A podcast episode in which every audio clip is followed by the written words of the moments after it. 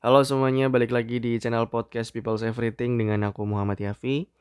Semoga teman-teman dalam keadaan baik-baik aja dan terima kasih masih mau mendengar podcast ini.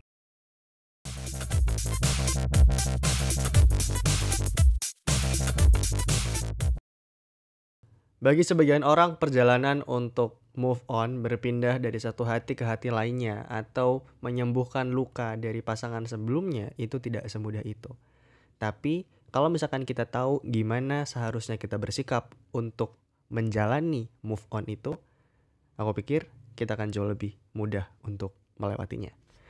Hari ini kita bakalan ngobrolin soal move on dan kenapa aku ngangkat tema ini karena beberapa pekan yang lalu ada cerita yang lumayan menyentuh hati. Enggak sih sebenarnya, cuman ini ngeri banget gitu. Aku baca di internet ada satu pasangan cowok cewek mereka udah pasangan lama kemudian putus. Setelah putus ceweknya dapet cowok baru sedangkan cowok belum move on. Abis itu si cowok ngajak balikan. Enggak diterima tuh. Karena cewek udah punya cowok yang baru gitu kan.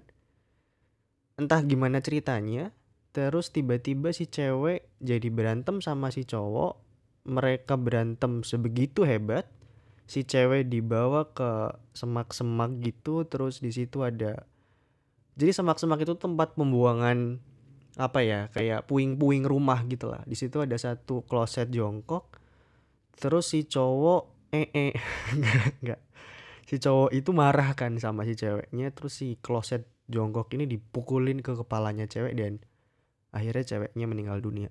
Itu ngeri banget karena si cowok nggak bisa move on dia jadi kalang kabut dia jadi orang kayak orang gila gitu obses sama si ceweknya. Dan dia bener-bener mungkin mikir kayak kalau aku nggak bisa dapetin dia orang lain juga nggak boleh dapetin gitu. Itu kan menakutkan sekali. Nah tapi bukan berarti hari ini ya semoga sih tidak itu tidak terjadi di lingkungan sekitarku gitu ya. Tapi maksudnya apa yang akan aku bahas hari ini adalah supaya kita bisa melewati move on dengan lebih enjoy kali ya bisa dibilang kayak gitu.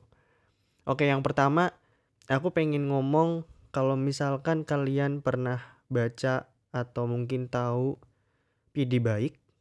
PD baik itu pernah nulis, dia pernah ngomong kalau pacaran itu untuk putus. Bisa karena menikah, bisa karena berpisah. Nah, ketika kita sudah paham betul tentang konsepsi ini, maka harusnya kita yang menjalani hubungan semacam ini gitu ya.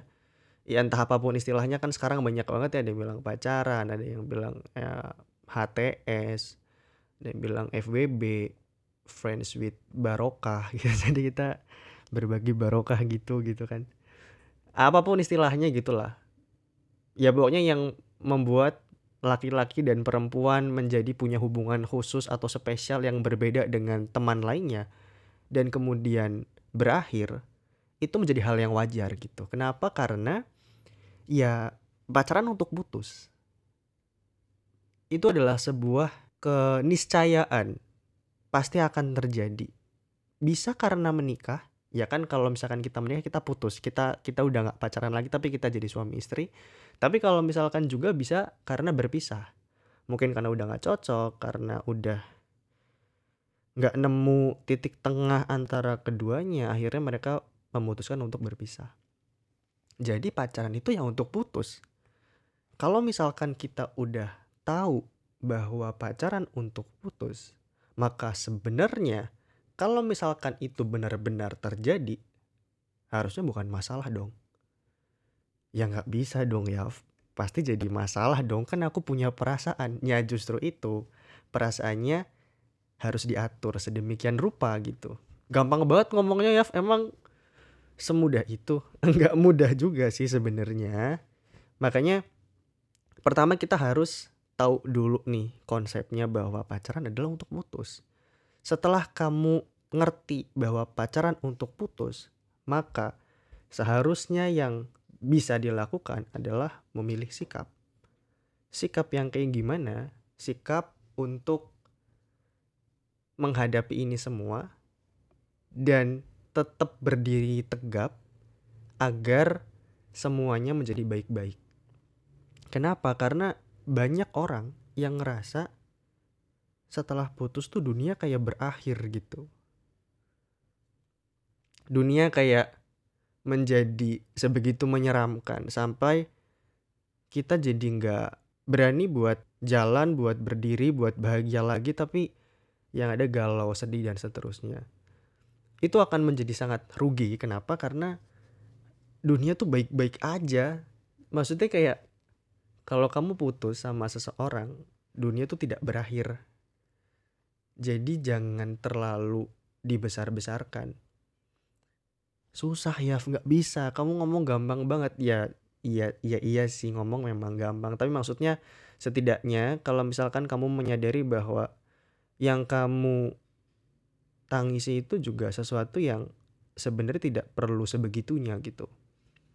Karena bukan permasalahan lama atau sebentarnya. Tapi yang paling penting adalah apa yang kamu dapat dari hubungan tersebut. Jadi kalau misalkan kamu udah tahu pacaran untuk putus, kemudian beneran putus dan kamu tahu kalau putus itu dunia tidak berakhir, dunia akan tetap baik-baik aja dan terus berjalan, maka selanjutnya adalah ambil pelajaran yang ada dari hubungan tersebut.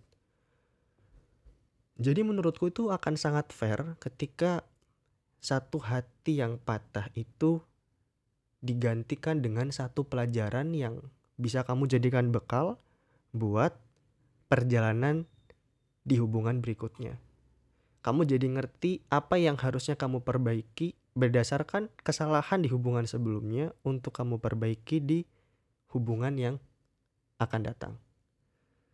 Jadi kamu harus me memposisikan diri supaya apa yang kamu dapatkan dari hubungan itu menjadi bermanfaat untuk hubungan berikutnya.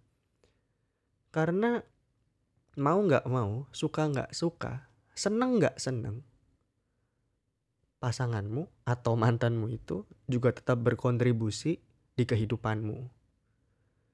Entah sedikit atau banyak, dia tetap berkontribusi. Jadi, ambil pelajaran itu, gunakan sebagai bekal di perjalanan berikutnya. Setelah kamu udah tahu bahwa pacaran untuk putus, kemudian kamu juga tahu kalau putus pun akhirnya dunia tidak akan berakhir gitu, dunia akan tetap berjalan setelah kamu ambil pelajarannya, maka kamu sudah berhasil mengambil sikap yang tepat untuk menghadapi perjalanan untuk move on. Nah, tapi yang sering bikin akhirnya jadi gagal lagi adalah karena kita terus kebayang-bayang si si mas mantan atau si mbak mantan ini karena ya mereka orang yang spesial tadinya gitu. Jangan berusaha untuk melupakan karena semakin keras kita berusaha untuk melupakan, maka sejalan itu juga otak kita akan terus memikirkan dia karena kita berusaha mengorek-ngorek ingatan yang ada di kepala untuk dibuang jauh-jauh. Justru ketika kita sedang mengorek ingatan itu, ingatan itu jadi terputar kembali. Karena sebenarnya bukan orangnya yang harus dilupakan, tapi kebiasaannya. Apalagi buat kamu yang misalkan udah punya hubungan bertahun-tahun gitu misal dua tahun lima tahun tujuh tahun bahkan misal bukan lagi perkara orangnya tapi kebiasaannya. Ya setiap bangun pagi ngucapin selamat pagi nanti agak siang dikit jam 9 jam 10 lagi ngabarin aku lagi istirahat di kantor bentar ini atau aku udah lagi nunggu pergantian jam kuliah nanti ya siang-siang kamu jangan lupa makan ya pulang dari kuliahan pulang dari kantor aku udah di rumah kamu gimana hari ini seneng apa enggak? Aku hari ini bete banget terus akhirnya ngobrol setiap tanggal berapa memperingati apa anniversary misalkan atau kapan ulang tahunnya setiap malam minggu ketemu buat nonton dan seterusnya itu kan kebiasaan-kebiasaan yang udah terbentuk jadi sebetulnya bukan melupakan orangnya, tapi mengalihkan untuk mencari kebiasaan baru untuk mendistract dari kebiasaan-kebiasaan yang sering kamu lakukan. Karena orangnya nggak perlu dilupain. mau sekeras apa pun kamu melupakan fakta bahwa si pasanganmu ini punya andil dalam hidupmu itu nggak akan pernah bisa kamu ganti. Jadi daripada berusaha buat ngelupain orangnya, lebih baik buat kebiasaan baru untuk menggantikan kebiasaan yang biasa dilakukan dengan si orang sebelumnya. Terus setelah itu semua sudah kamu lakukan, cara paling baik untuk move on adalah berteman dengan waktu. Kenapa gitu? Karena seperti halnya saat kalian memulai, yang butuh waktu tuh, yang harus nyocok-nyocokin, yang cari PDKT dulu, yang cari kesamaan, yang mencari kompromi, itu kan butuh waktu semua. Maka dengan itu juga, dengan waktu juga, kamu akan bisa mencari kebiasaan-kebiasaan baru dan menggantikan kebiasaan yang lama dengan kebiasaan itu. Jadi, buat kamu yang sekarang mungkin lagi susah buat move on, yang paling mudah adalah berteman dengan waktu. Nikmati semua prosesnya, jangan ditolak, jangan mencoba melawan itu karena itu mungkin sebagai fase yang harus kita lewati terus-menerus gitu ya. Dan kalau misalkan pada suatu hubungan kamu sudah merasa untuk tidak cocok, dan kamu tahu kalau move on itu susah, tapi kamu ngerti bahwa kamu udah nggak cocok dengan dia, jangan ragu buat untuk menyudahi. Kenapa? Karena ada pernah yang ngomong kalau pacaran itu harus berani putus. Kalau kamu nggak berani putus, jangan pacaran. Sedangkan kalau misalkan nikah, jangan berani cerai. Kalau kamu berani cerai, jangan nikah jadi pola pikirnya diganti gitu dirubah mesti berbeda. Kalau misalkan kan sekarang ada yang kayak udahlah ditahan-tahanin dulu lah sama dia udah lama nih udah udah udah tujuh tahun pacaran udah nggak cocok sih tapi tapi janganlah jangan putus gitu. Tapi begitu udah nikah karena udah nggak tahan udah capek banget akhirnya cerai. Kebalik gitu. Jadi mumpung masih pacaran kalau misalkan memang kerasa udah nggak cocok ya ya putus aja gitu jadi nggak setia dong ya. Ya setia itu kan perspektif aja. Gimana cara kita memaknai setia gitu? Maksudnya kalau misalkan memang sudah diusahakan dengan sebegitu luar biasa tapi ternyata nggak nemu titik tengahnya ya ya berani aja buat putus. Karena setelah itu kamu akan punya kesempatan untuk mengevaluasi apa saja yang kurang dari hubunganmu sebelumnya untuk jadikan untuk kamu jadikan bekal di hubungan berikutnya akan jadi manusia yang terus memperbaiki diri sih menurutku.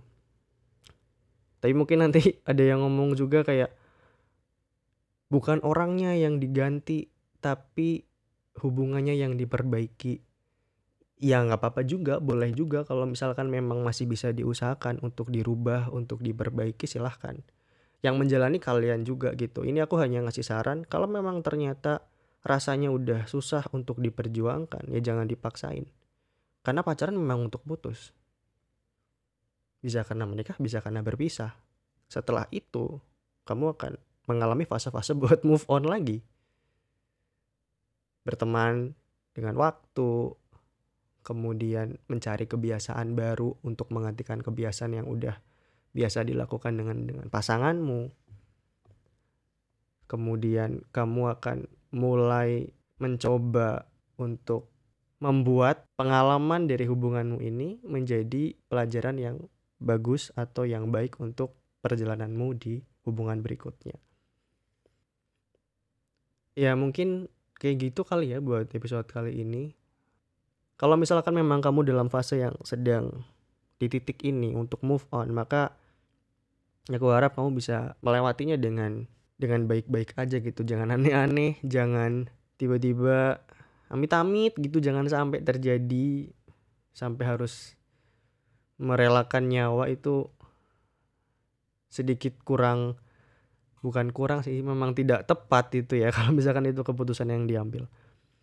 Ya pokoknya gitu aja buat episode kali ini. Terima kasih banget buat kamu yang udah mau dengerin sampai selesai. Semoga ada yang bisa didapat. Seperti biasanya mari ngobrol dan sampai jumpa